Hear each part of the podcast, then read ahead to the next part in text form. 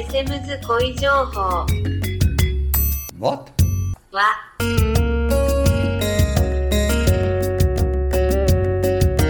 Ruud Bezems kooiinformatie.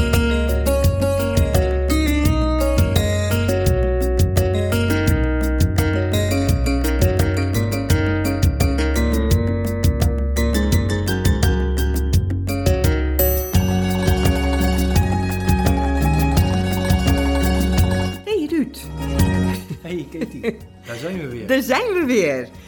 Nou, we gaan weer van start.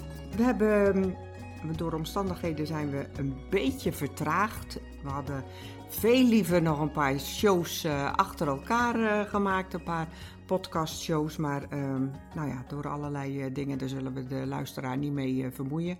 Maar ehm, is dat er helaas even niet van gekomen. Maar nu zijn we er weer. Precies. En heel erg leuk. Ja, we gaan weer lekker dapper door waar we gebleven waren. We zullen Ja. denk ik vandaag af en toe een klein beetje heen en weer springen. Maar dat is dan ook alleen maar goed om Ja. eh, het geheugen weer een beetje op te frissen en zo van iedereen die eh, weer meeluistert. Ja, want we kregen, eh, het leuke is wel dat we vragen kregen van mensen van wanneer zijn jullie er weer? Dus we, we- worden wel beluisterd. Dat Ja. is natuurlijk wel heel erg leuk, want daar doen we het uiteindelijk ook voor. Nou, zullen we maar losgaan? Ja, ik denk het wel. Ik, we hebben wat leuke actuele onderwerpen die we nu Ja. mooi aan kunnen eh, snijden. Omdat Ja. het eh, seizoen weer losgebarst is. Dus niet alleen het kooipodcast seizoen, Ja, maar ook het echte kooiseizoen is Oh. begonnen. Oké, nou hartstikke goed.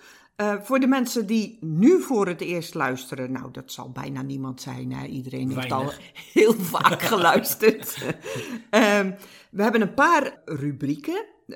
onder andere de Kooi Nono voor mensen die echt niks of heel weinig eh, van kooi eh, weten. En er is een agenda en we hebben de kooi kennis. Daar gaat eh, Ruud dan iets dieper in op, op de kooi kennis, hè, Ruud. Ja.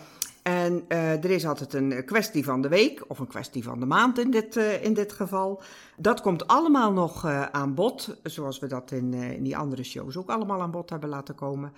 Nou, we, we pakken de draad weer op bij Kooi Nono. Goed idee.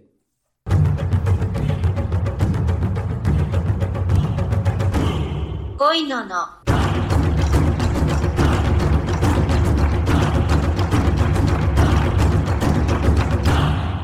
Koi no no. In de Koinono-aflevering van deze keer eh, wil jij het hebben, Ruud, eh, geloof ik, over de Belgische Kooi Show. Want daar was iets bijzonders mee, geloof ik, hè? Ehm, ja, maar ik wil het niet alleen over de Belgische kooishow hebben. Die ga ik wel denk ik het meest belichten. Ja, Maar ik wilde het eigenlijk gewoon eventjes over kooishows in het algemeen hebben. Omdat juist diegenen die, waar deze rubriek voor bedoeld is, die zullen denk ik niet zo heel veel nog weten over kooishows überhaupt. ja, Dus die denk ik als een klein beetje uitleggen. We hebben dat eerder al een klein beetje aangestipt. Ietsje dieper op de materie van de kooishows in. Hm? En de Belgische kooishow was inderdaad de eerste kooishow in Europa dan van eh, 2023. Ja. Ik heb daar gejureerd. Dus eh, daar kan ik wat meer over vertellen dan eh, zo meteen. Oh ja, oké.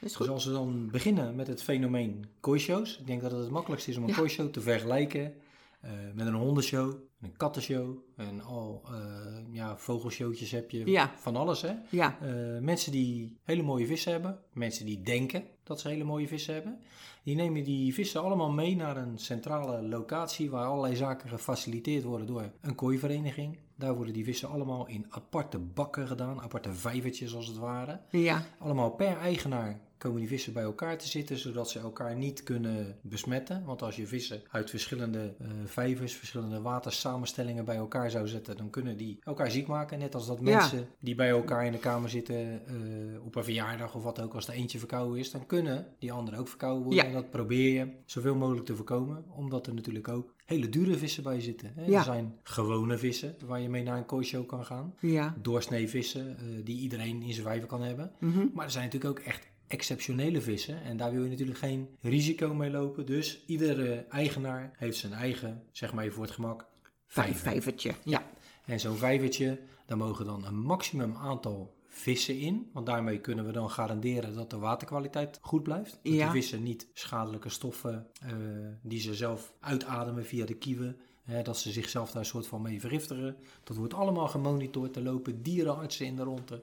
Alle dat soort zaken worden allemaal in de gaten gehouden om ervoor te zorgen dat het welzijn van die vissen ja, gewoon top is. Ja. Dat dat allemaal goed gaat. Ja.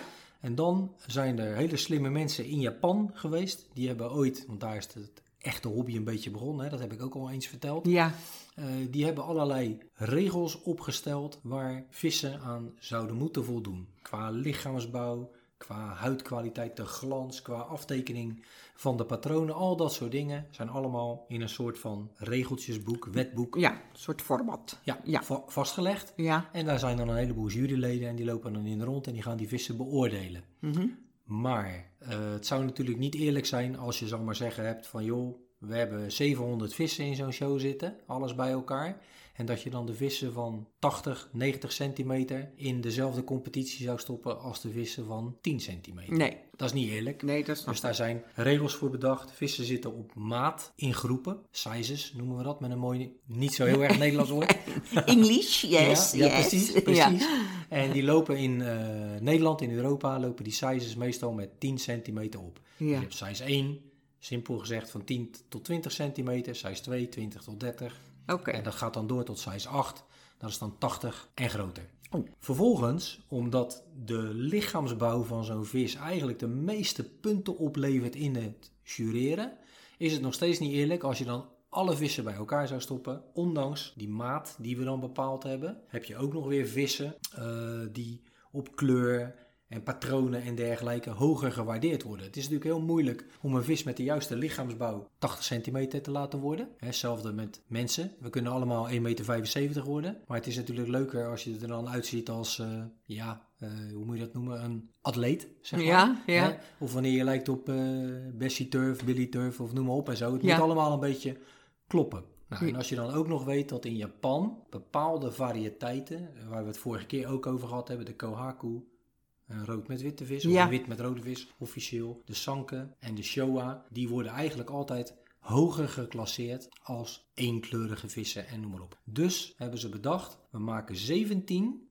verschillende klassen waar die vissen dan weer in kunnen zitten. Dus een vis, een kohaku, die kan in size 8 zitten en dan hoeft hij alleen maar te strijden met andere kohaku. Dat is natuurlijk wel zo eerlijk en dat is voor de jury ook wat makkelijker, want om de kwaliteit van twee wit-rode vissen naast elkaar te leggen, dat is natuurlijk makkelijker als wanneer je zo'n vis zou moeten gaan vergelijken met een vis die helemaal egaal geel is. Ja, ja, ja, ja. Hè, want het is natuurlijk makkelijker om een gele vis in topconditie te krijgen, want dan hoeft er maar één kleurtje helemaal goed te Goed te zijn. zijn, ja. ja vis met twee kleuren Ja, of met drie kleuren. Dus op die manier Ja.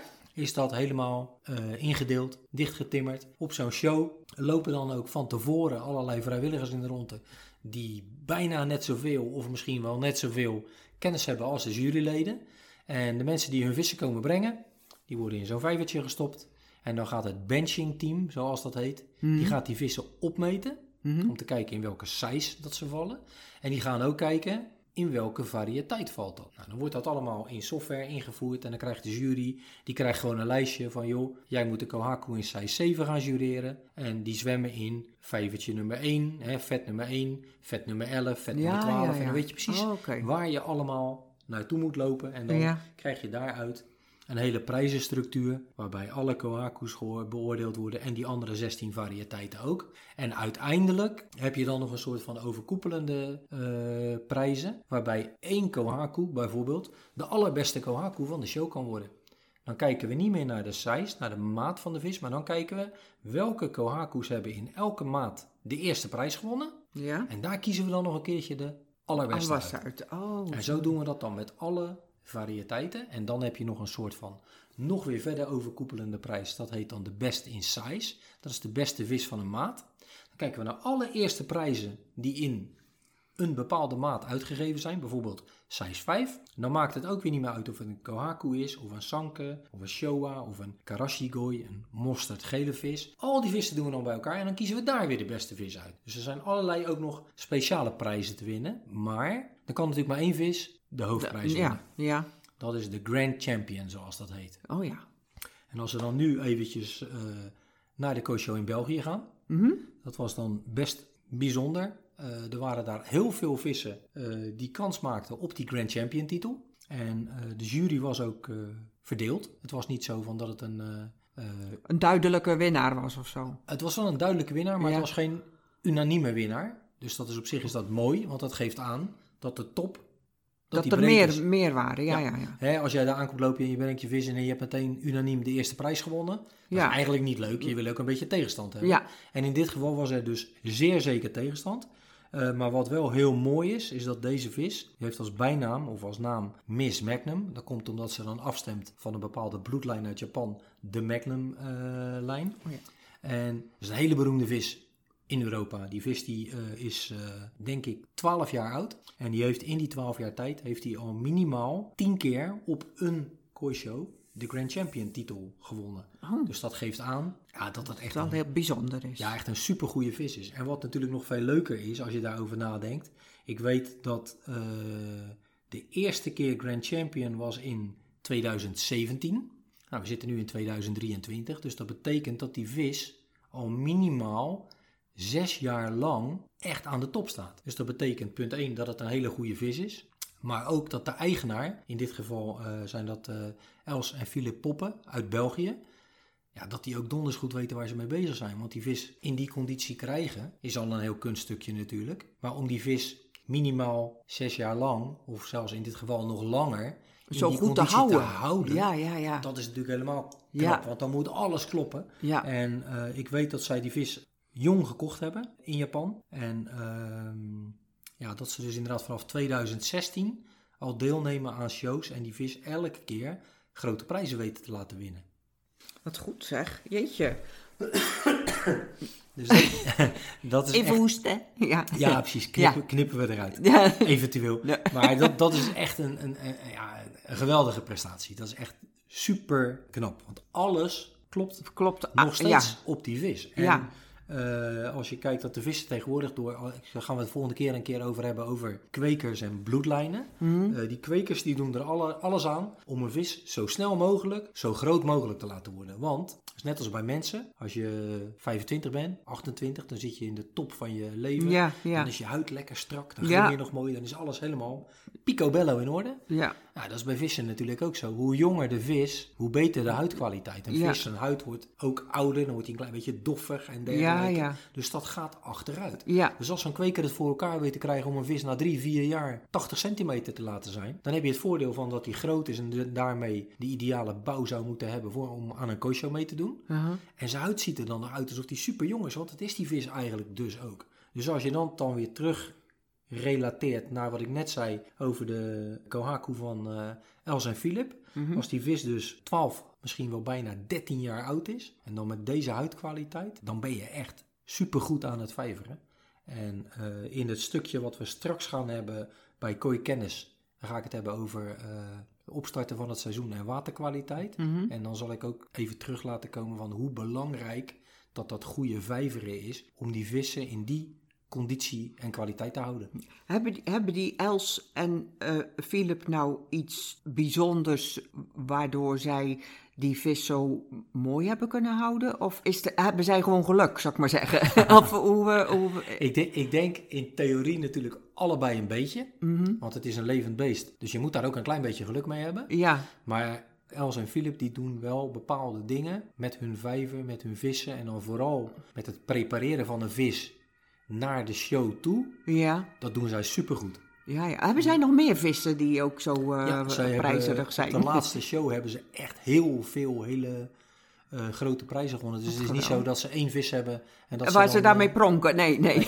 Nee, ze hebben echt een hele mooie collectie. En ook al jarenlang. En ze zijn ook continu aan het doorselecteren. Ja, ja. Vergelijk het maar met voetbal. Dat je Ja. elke twee seizoenen verkoop je er een paar, koop je een paar Ja, nieuwe. ja. En de toppers die blijven altijd, in dit geval. En eh, daar komen elke keer nieuwe jonge goden bij, eh, om het zo maar te noemen. Dus dat is wel mooi. Nou, En uiteraard is het zo, in de theorie is het zeg maar dat iedereen je weet precies wat je moet doen om die vis in topconditie te krijgen. Daar zijn Mhm. allerlei vuistregeltjes voor. Maar er is altijd net dat één of misschien die twee kleine dingetjes extra die het geheim van de smid zijn. ja. En ik heb daar al een paar keer naar gevraagd bij eh Philip, eh, Ja. vooral in dit geval. Ja, Maar hij is dan wel Belg, maar dat... Dat het Belgische geheim krijg je niet nee, naar boven. Nee, nee, zo dom Ai, is hij ai, dan weer ai. niet om dat te delen. Ai, ai, amai, amai. dat is jammer. Oké. Nou, dankjewel. We gaan even de agenda, luisteren naar de agenda. Goed idee. Goed plan, hè?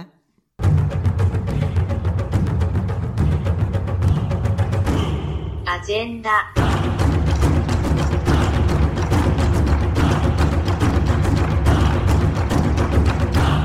'De agenda. Op 20 en 21 mei vindt de volgende Italian Koi Expo plaats. Evenals vorig jaar wordt het internationale kooikampioenschap gehouden in het Italiaanse Cremona. De animo was volgens de organisatie overweldigend. In 10 dagen tijd waren alle vats gereserveerd. Ook deze editie van de Italian Koi Expo wordt gecombineerd met de Japanse show.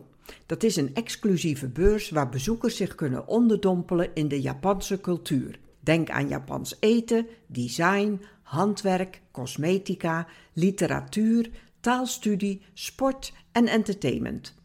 Ook zijn er verschillende presentaties door bijvoorbeeld dierenartsen en industrie-experts. Blogger Thibaut Jacobs van Koi Question en YouTuber Ivo de Wal van de Koi Partner geven ook acte de présence. De Italian Koi Expo is ontstaan vanuit de samenwerking tussen Cremona Fiere en de Italian Koi Association.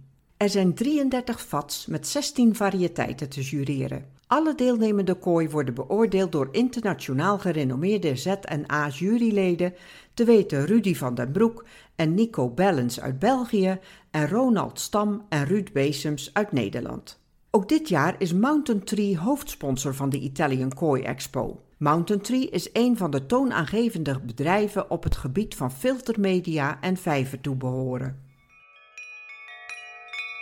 Eveneens op 20 en 21 mei is er de Koi Cave Koi en Bonsai Show 2023. Na het succes van vorig jaar kon een tweede editie van dit gezellige evenement niet uitblijven en is het dit jaar zelfs een tweedaags evenement geworden. De Tosai Koi Show van vorig jaar wordt uitgebreid met een volwaardige Koi Show. Er zijn zelfs speciale jumbo-vats. De vats worden opgesteld in de nieuwe modeltuinen van boomkwekerij De Vossenberg.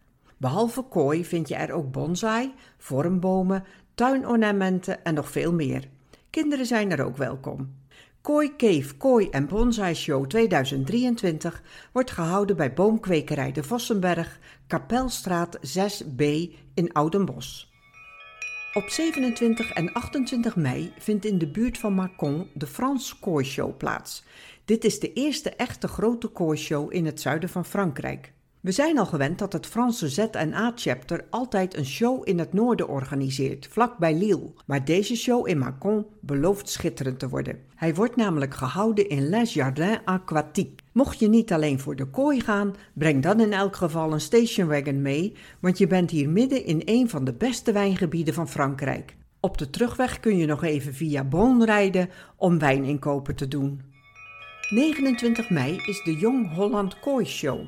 Deze show is bedoeld voor de kleinere en jonge kooi. De Jong Holland Kooi Show wordt gehouden bij A2 Kooi in het Gelderse Kerkdriel. De maximale afmeting die een kooi mag hebben om deel te nemen aan deze show is 65 centimeter. Het unieke van de Jong Holland Kooi Show is dat educatie hoog in het vaandel staat. De jury loopt zowel tijdens als na het jureren gewoon tussen het publiek. Je mag hen dan ook het groene jasje van het lijf vragen, maar wel na de jurering. Ook de catering wordt verzorgd door A2 Kooi en kenners weten dat je dan niets tekort komt. 恋の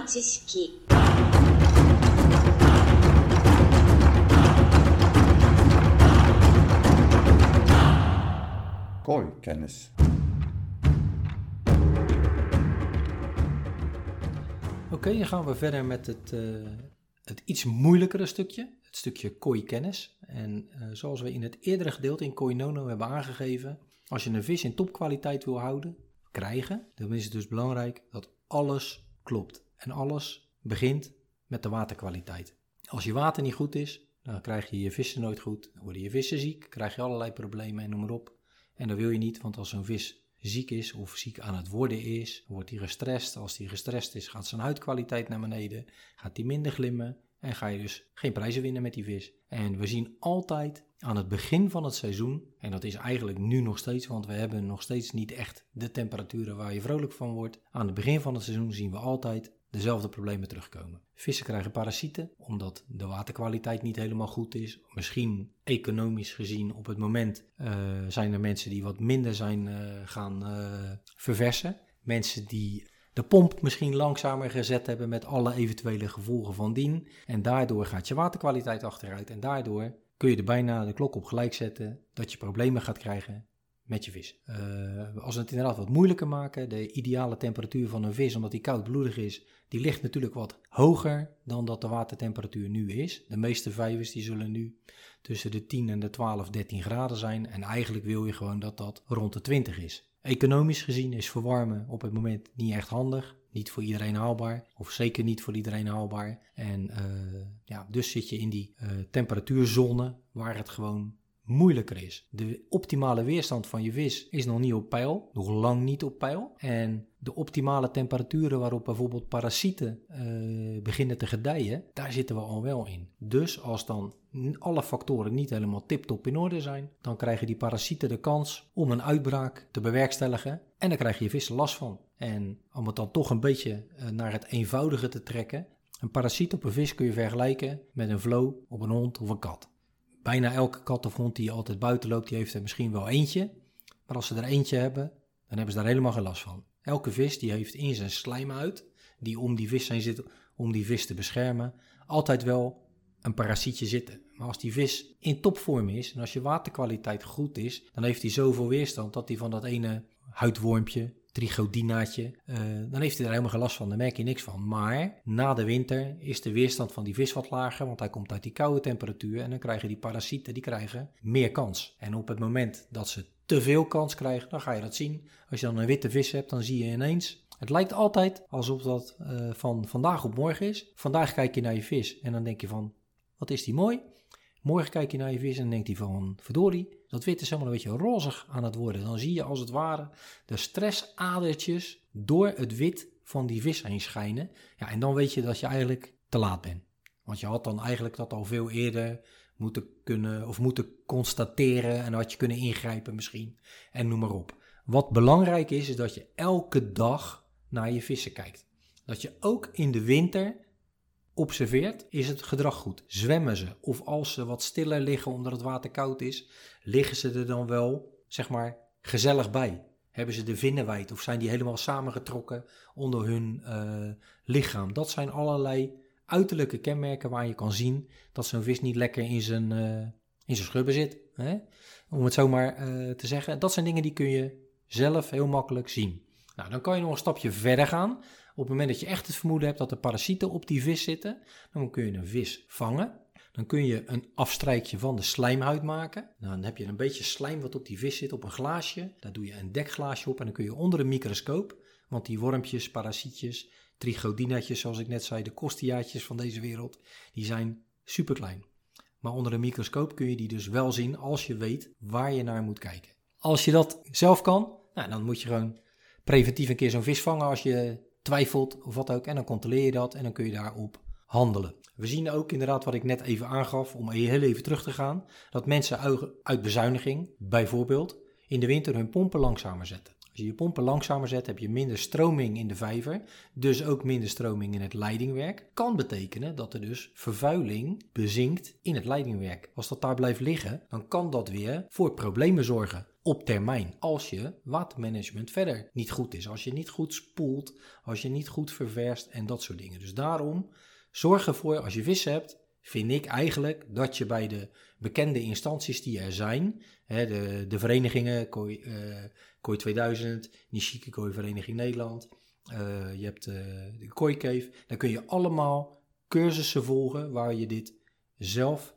zou kunnen doen. Dan heb je al een heel stuk gewonnen, want dan hoef je niet op iemand te wachten. Dan kan je zelf meteen aan de slag. En als je die parasieten gevonden hebt, afhankelijk van de hoeveelheid daarvan, dan kun je daar ook acteren. Dan kun je gaan behandelen. Heb jij nou zoiets van, joh, ik durf dat zelf niet, ik kan dat zelf niet, dan zijn er een aantal instanties die jou daarbij helpen. Uh, we hebben de KVA, de Kooivijver Adviesdienst. Die is aangesloten bij Nishiki Vereniging Nederland. Dat zijn vrijwilligers. Die komen voor, uit mijn hoofd, 25 euro komen ze bij je langs. Geven ze je advies, ze lichten je systeem door. Ze maken dat afstrijkje en ze bekijken dat samen met jou. En ze adviseren jou wat je zou kunnen doen en indien nodig verwijzen ze je door naar een dealer of een kooidokter. Datzelfde doet adviesgroep Kooi en Vijver. Uh, die zijn iets meer onafhankelijk, maar doen wel heel veel samenwerken met de kooikeef. Ook die uh, zijn heel hoog opgeleid in de kooihobby en die kun je ook benaderen om bij jou datzelfde verhaal te laten doen op het moment dat je twijfelt. Maar nogmaals, het belangrijkste is, zeker in het begin van het seizoen, zorg dat je niet afhankelijk bent van iemand anders, maar dat jij jouw zwemmende juwelen, je huisdiertjes, dat je die gewoon zelf goed in de gaten kan houden. Dus ga cursussen volgen, verdiep je in de materie en zorg ervoor dat je ze gezond kan houden. Dus eigenlijk vind ik, ja, het is gewoon je verantwoordelijkheid. Als je een hond en een kat hebt, dan moet je ook zorgen dat je weet waar je mee bezig bent. En als die niet helemaal in orde zijn, dan ga je naar de dierenarts toe. En ik vind dat je dat met vissen ook gewoon moet doen.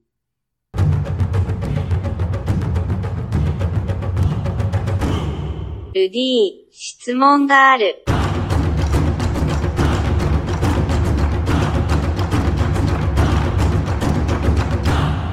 Ruud, ik heb een vraag.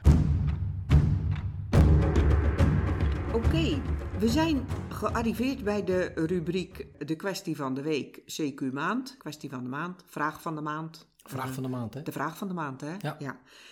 Mijn, ja, toch wel een- mijn favoriete item, vind ik. wel, Want die, eh, het altijd leuk, die eh, vragen.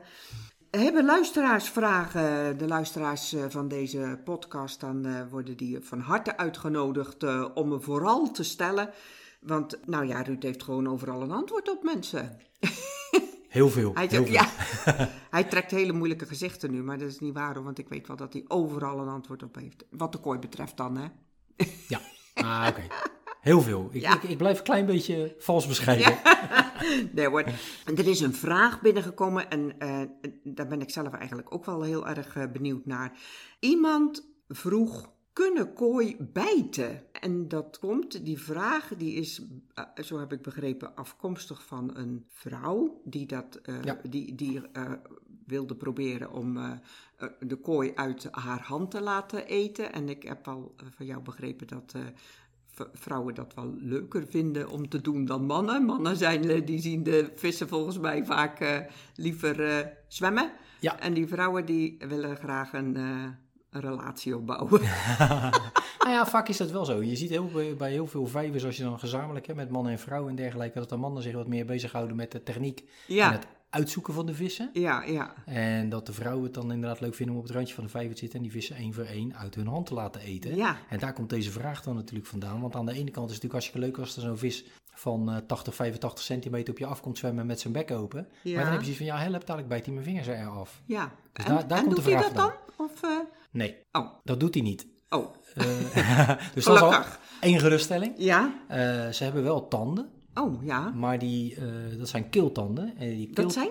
Keeltanden. Oh, keeltanden, ja. En die tanden zitten dus, wat de naam al zegt, hè, in de keel. Die zitten wat verder naar achteren in de bek. Ja. En als jij zo'n vis uit je hand laat eten, een kooi, een karper, die bijt niet dat voer uit je hand. Of hij hapt dat niet uit je hand. Maar eigenlijk, als het ware, zuigt hij dat naar binnen toe. En dan Oh. transporteert hij dat op die manier naar die keeltanden toe. Het komt sowieso voort uit het feit, denk ik, eh, dat een, eh, een karper is geen eh roofvis vis Nee. maar het is een alleseter.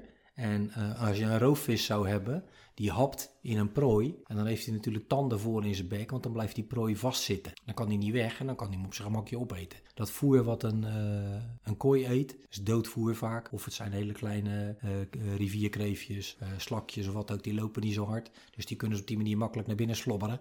En dan malen ze die achter in hun keel. Met die keeltanden eh, malen ze ze fijn. Origineel gezien eet een kooi ook eigenlijk geen korreltjes aan de oppervlakte van het water, een karper. Maar een karper die vroet op In de grond? In de grond, op de bodem. ja, ja. Dus eigenlijk de, de, de puristen, de diehards, die eh, hebben altijd zoiets van... ja, je moet zo'n vis ook zinkend voer geven, want dat is beter voor het eh, natuurlijke verloop en gedrag en noem maar op en zo. Maar wij willen die vissen gewoon boven in die vijver zien, want dan kan je ze veel beter bekijken en dan zijn ze veel mooier en noem maar op. Dus vandaar dat wij drijvend voer geven, wat ze dus naar binnen zuigen en fijn malen. Oké. Eh, in de echte natuur, in het wild, hè, dan zouden ze dus klein waterleven eh, opeten. Dus inderdaad slakjes, mosseltjes, garnaaltjes, rivierkreefjes. Ja, Alles wat ze per ongeluk in dat zand tegenkomen, ja, dat vreten ze dan op. En die hardere schalen ja. van die kreefjes en garnaaltjes en zo, die malen ze dan dus fijn met die eh, Keeltanden. keeltanden. Oké. De korrels die wij voeren, in eerste instantie als die het water ingegooid worden,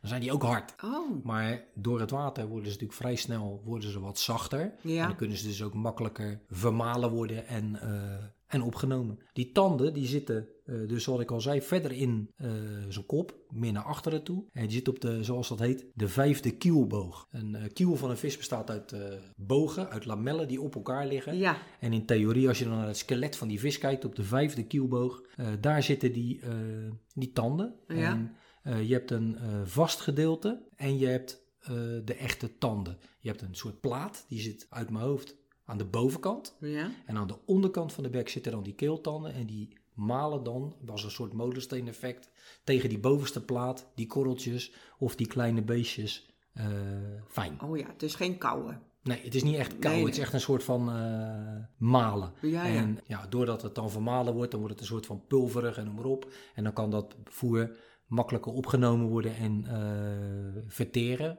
Want in principe gaan we weer wat verder dieper de kooi en de materie in. Mhm. In principe heeft een kooi geen maag. Hij heeft een darmstelsel. Dus het gaat in één keer helemaal door de vis heen en onderweg wordt het verteerd. Dus hoe beter dat dat voedsel gemalen is, des te makkelijker dat die vis het op kan Op nemen. kan nemen, ja, Hè, ja, dat hij de voeding eruit kan eh, Ja. halen. Net als bij een eh, mens worden die tanden ook gewisseld. Dus afhankelijk van het filtersysteem wat je hebt, kun je regelmatig in je filtersysteem kun je die keeltanden vinden. En dan bij een, eh, een klein visje, dan kunnen die dingen een paar millimeter groot zijn. Ja. Maar als je een vis hebt van 80, 90 centimeter, dan kan het wel ja, richting een centimeter gaan. Dat je die dingetjes echt kan vinden. Dat ziet er echt uit als, als tanden, hè, zeg maar. of Oh, als echt waar? een soort van afgeplatte kiezen. En volgens mij is het zo dat dat wisselen, dat gaat niet op een vaste cyclus. Zoals bij een mens, dat je, weet ik Zo veel, oud eh, bent en, zo eh, oud bent ja, en dan ja, ja. begint het wisselen. Aha. Het gaat een beetje naar eh, slijtage, naar gebruik. En het is wel zo volgens mij dat in hoe jonger de vis is, hoe vaker dat die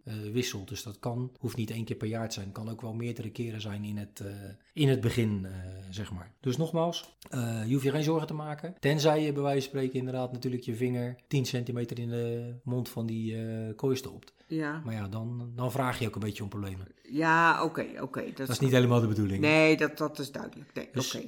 Conclusie, je hoeft je totaal geen zorgen te maken over het feit dat een kooi jou kan bijten. Super. Dank je.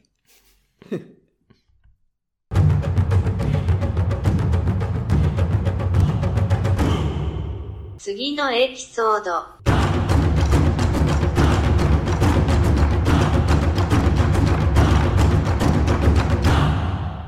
volgende aflevering. Dan zijn we ineens eh, plotseling gearriveerd bij het laatste item. En eh, dat is de volgende aflevering. Ruud, waar gaan we het over hebben, de volgende aflevering? Ik denk dat we het de volgende keer gaan hebben over kwekers. En dat bedoel ik even in de breedste zin des woords, want er zijn er heel veel in Japan. Ja, Maar elke vis die komt natuurlijk ergens vandaan bij een, iemand die gespecialiseerd is in het kweken van bijvoorbeeld kohaku of karashigoi of shiro utsuri. Om maar een paar moeilijke namen eruit te oh, gooien. inderdaad, ja. ja. En er komt best wel wat bij kijken. Mhm. En dus wel leuk om dan misschien in het kort volgende keer uit te leggen wat zo'n kweker doet, waar die op let en waar zo'n vis allemaal tegenaan gezwommen is ja. Voordat hij bij ons in de vijver zwemt. Oh ja, oh leuk. Nou, ik ben heel benieuwd. Uh, Dank je wel voor deze keer. En eh, nou, graag tot de volgende Ja, keer. het was weer leuk. Tot de volgende. Ja.